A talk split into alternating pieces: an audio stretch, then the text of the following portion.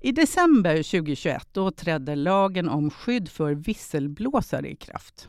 En lag som innebar att offentliga arbetsgivare med fler än 50 anställda och privata med fler än 250 anställda var skyldiga att inrätta en visselblåsarfunktion dit man kan anmäla missförhållanden eller oegentligheter i arbetsrelaterade sammanhang som är av allmänt intresse.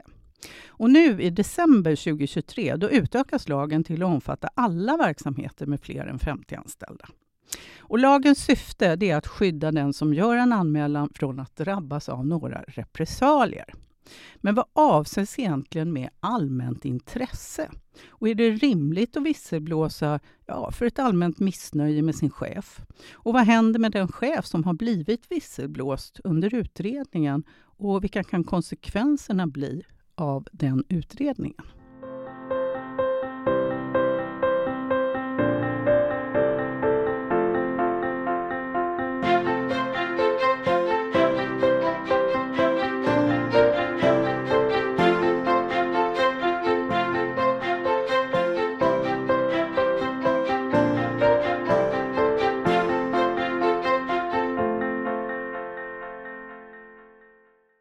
Visselblåsarlagen fungerar i praktiken, det är det vi ska diskutera här i podden idag.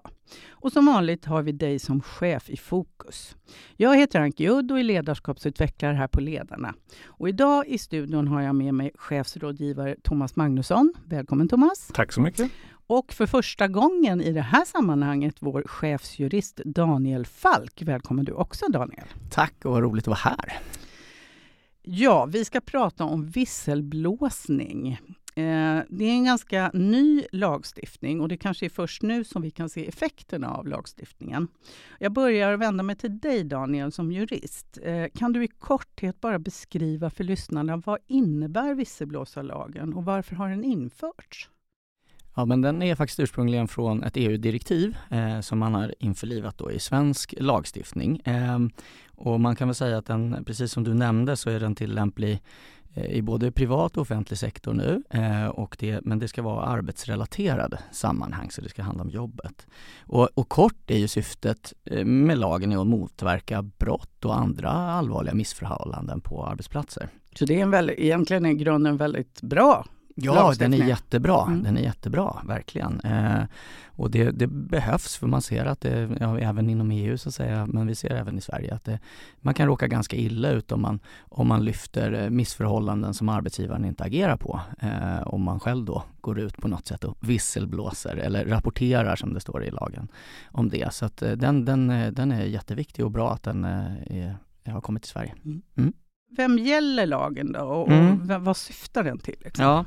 Ja, men så, det stora är ju att motverka brott så att säga och andra missförhållanden men den innebär att eh, att arbetsgivare är skyldiga att in, eh, alltså, eh, inrätta en visselblåsarfunktion dit anställda men även motsvarigheter, konsulter, praktikanter, vik vikarier och så vidare som en, en funktion där man kan rapportera om brott och allvarliga missförhållanden av allmän intresse. Så Eh, och, och de personer som upptäcker och rapporterar om sådana förhållanden skyddas då genom den här lagen genom att arbetsgivare inte får vidta några repressalier mot de som rapporterar. Men om arbetsgivaren gör det ändå, trots att man inte får, ja, men då finns det en skadeståndssanktion. Okej. Okay. Ja.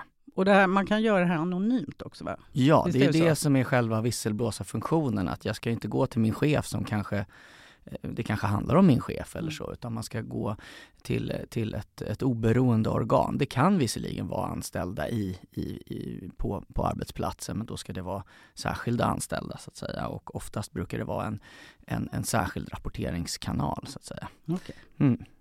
Eh, jag tänker, Thomas, du och dina kollegor, ni tar emot massor med samtal från våra medlemmar, eh, både ja, samtal och mejl. Eh, det här med visselblåsarlagen då. Jag vet att ni har haft ett antal ärenden där våra medlemmar som chefer faktiskt har hamnat i ganska märkliga situationer. Eh, kan du ge några exempel på vad, vad är det som har hänt?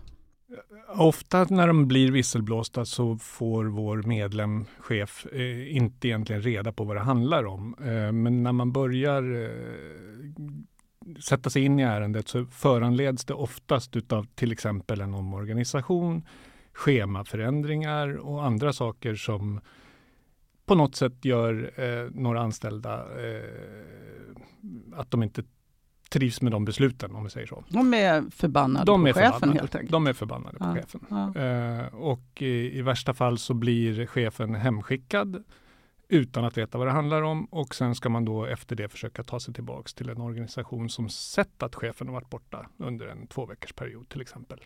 Ingen rök utan eld. Så brukar det vara. Mm. Har de kunnat komma tillbaka de här medlemmarna? Vet du det? De fall som jag har haft så har de flesta eh, slutat i en överenskommelse och eh, chefen har slutat. Och vad var de här utredningarna som har gjorts? De som har slutat eller överenskommit, har de varit inom citat skyldiga till något så att säga? Nej, utan de har oftast eh, egentligen bara agerat chef eh, och följt de direktiv och riktlinjer som kommer från eh, ledning, styrelse och så vidare. Det här låter ju rätt snurrigt. Jag skulle bli, personligen kan jag tänka mig, tänk att liksom, hej Anke, nu får du gå hem ett tag, men du får inte veta varför. Nej. Ganska olustigt. Väldigt olustigt och eh, eh, sätter också en organisation som den här chefen ansvarar för i, i ett vakuum på något sätt. Mm. Utan svar på frågor. Men det här då, det här med utmynnat liksom i att medarbetare har blivit upprörda över någonting, när chefer har egentligen gjort det chefer behöver göra ibland. Eh, då undrar jag ju Daniel, allmänt intresse, man, alltså visselblåsning ska ske för sånt som har allmänt intresse. Va, vad är det då? Ja men det, är- det är en jättebra fråga, men det, man kan väl säga att det, det handlar om att det ska kanske inte handla om en enskild person eller att det är mig, mig själv, det handlar om mig själv som, som rapporterar eller så, utan det ska vara ett, ett, eh, ett allmänt intresse. Vi pratar typiskt sett korruption, att man eh, jäv, att man eh, tjänar pengar själv eller att, att det är någonting sånt. Eller att man, eh, att man eh, bryter mot lagar och regler generellt. Eh, om vi nu pratar om sånt som inte är kanske tydligt lagbrott så, så kan man ju tänka sig att det finns eh, problem på en arbetsplats som, som inte är ett brott men kanske samarbetsproblem eller så. Och det är ju typiskt sett ingenting som är av allmän intresse. Det kan ju vara det om man tänker att, att det är eh, väldiga samarbetsproblem på en akutmottagning på ett sjukhus. Ja, då finns det ett allmänt intresse av att så här, vad händer, hur agerar arbetsgivaren för För då kan konsekvenserna Ja, också då bli kan ganska det bli stora. liksom, ja, och att det kan beröra liksom en större allmänhet. Mm, okej. Eh, men inte, inte liksom ren nyfikenhet. Det vore ju kul att veta det här, eller spännande eller intressant, men det måste finnas ett allmänt intresse. Mm. Men det här är ju intressant då, med den bakgrunden Thomas, det du har beskrivit då, det du stöter på hos de chefer som kontaktar er, det verkar ju inte alls vara i allmän intresse. Hur, hur borde man hantera den typen av frågor, tycker du? För, först och främst så tror jag kanske att det saknas en, en utbildning till, hos de som ska kvalificera en visselblåsning. Det kanske ska finnas en checklista eller en process som talar om att okej, det här är en, en visselblåsning. Eller ska det hanteras utav HR, eh, företagshälsovård eller en ledningsgrupp eller bara en arbetsgrupp som faktiskt hanterar en intern konflikt Mm. snarare än att man visselblåser på, på anonymt utan att behöva stå till svars för det man tycker.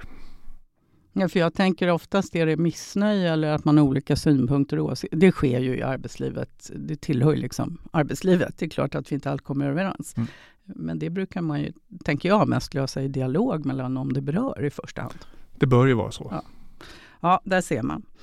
Eh, men de chefer då som har blivit anmälda, du nämnde liksom att de kan, man kan komma överens, man går skilda vägar eller ja, de kanske blir omplacerade. Vad, vad händer med dem? Alltså rent, hur, vad säger de till dig? Ja, de de det känner sig väldigt maktlösa och eh, eftersom man inte eh, lämnas utrymme att gå till svars, eh, man vet inte vem eh, och man vet egentligen inte vad som ligger bakom det hela heller. Utan så att det, det blir en period eh, innan man har kommit till en överenskommelse och går skilda vägar eller om man hittar en väg framåt där de mår riktigt dåligt. Mm.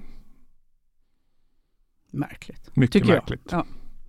Och det här låter ju verkligen som en knepig sits för en del chefer som drabbas.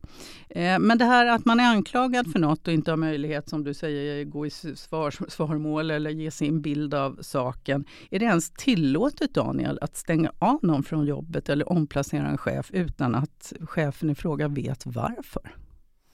Nej, men och det, och det, är inte en helt lätt, eh, lätt eh, att svara på. Om vi börjar med själva avstängningen så arbetsgivare har under vissa, eh, i, i vissa premisser då möjlighet att stänga av medarbetare för att utreda oegentligheter eller annat. Det har, det har arbetsgivare men då då ska man komma ihåg att då ska det verkligen finnas, det ska finnas grund för det.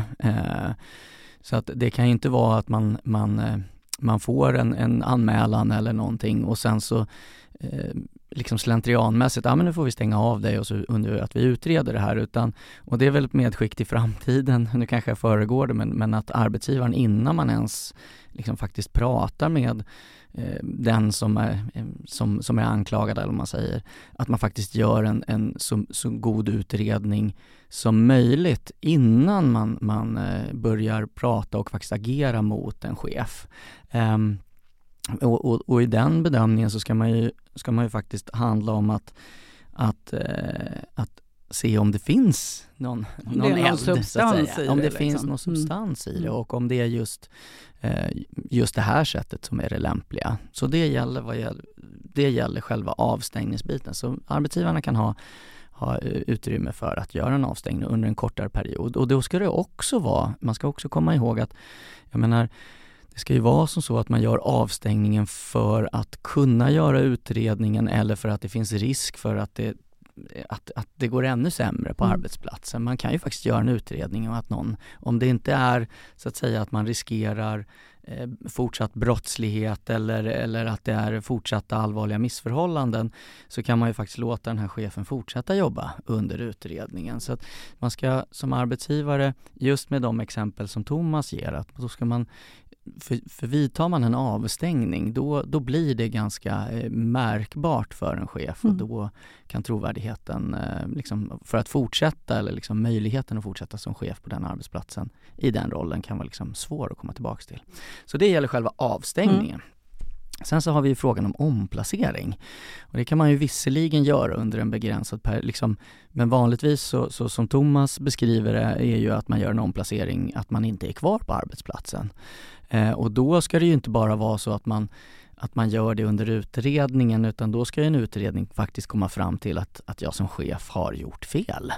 Eh, att, av, av någon anledning. Eh, för en omplacering kan ju arbetsgivaren inte göra hur som helst. Alltså man kan omplacera, nu, nu blir det väl lite juridiskt mm. men liksom om jag... Ja, men du är ju jurist. Ja, jag är ja. jurist så att då får vi ta det. Men en omplacering inom någonting som man kallar inom anställningsavtalet. Alltså jag, en arbetsgivare, om jag är chef för en del av en verksamhet och så säger arbetsgivaren att ja, men du, vi skulle vilja att du är chef på, på en annan del av vår verksamhet. Men det är liksom samma ort, jag har samma villkor i övrigt och, och jag har verksamhets och budgetansvar och mm. personalansvar. Ja, men då får arbetsgivaren göra det faktiskt ut, det kan arbetsgivaren göra egentligen när som helst. Att ja, men vi ser att du är bättre där.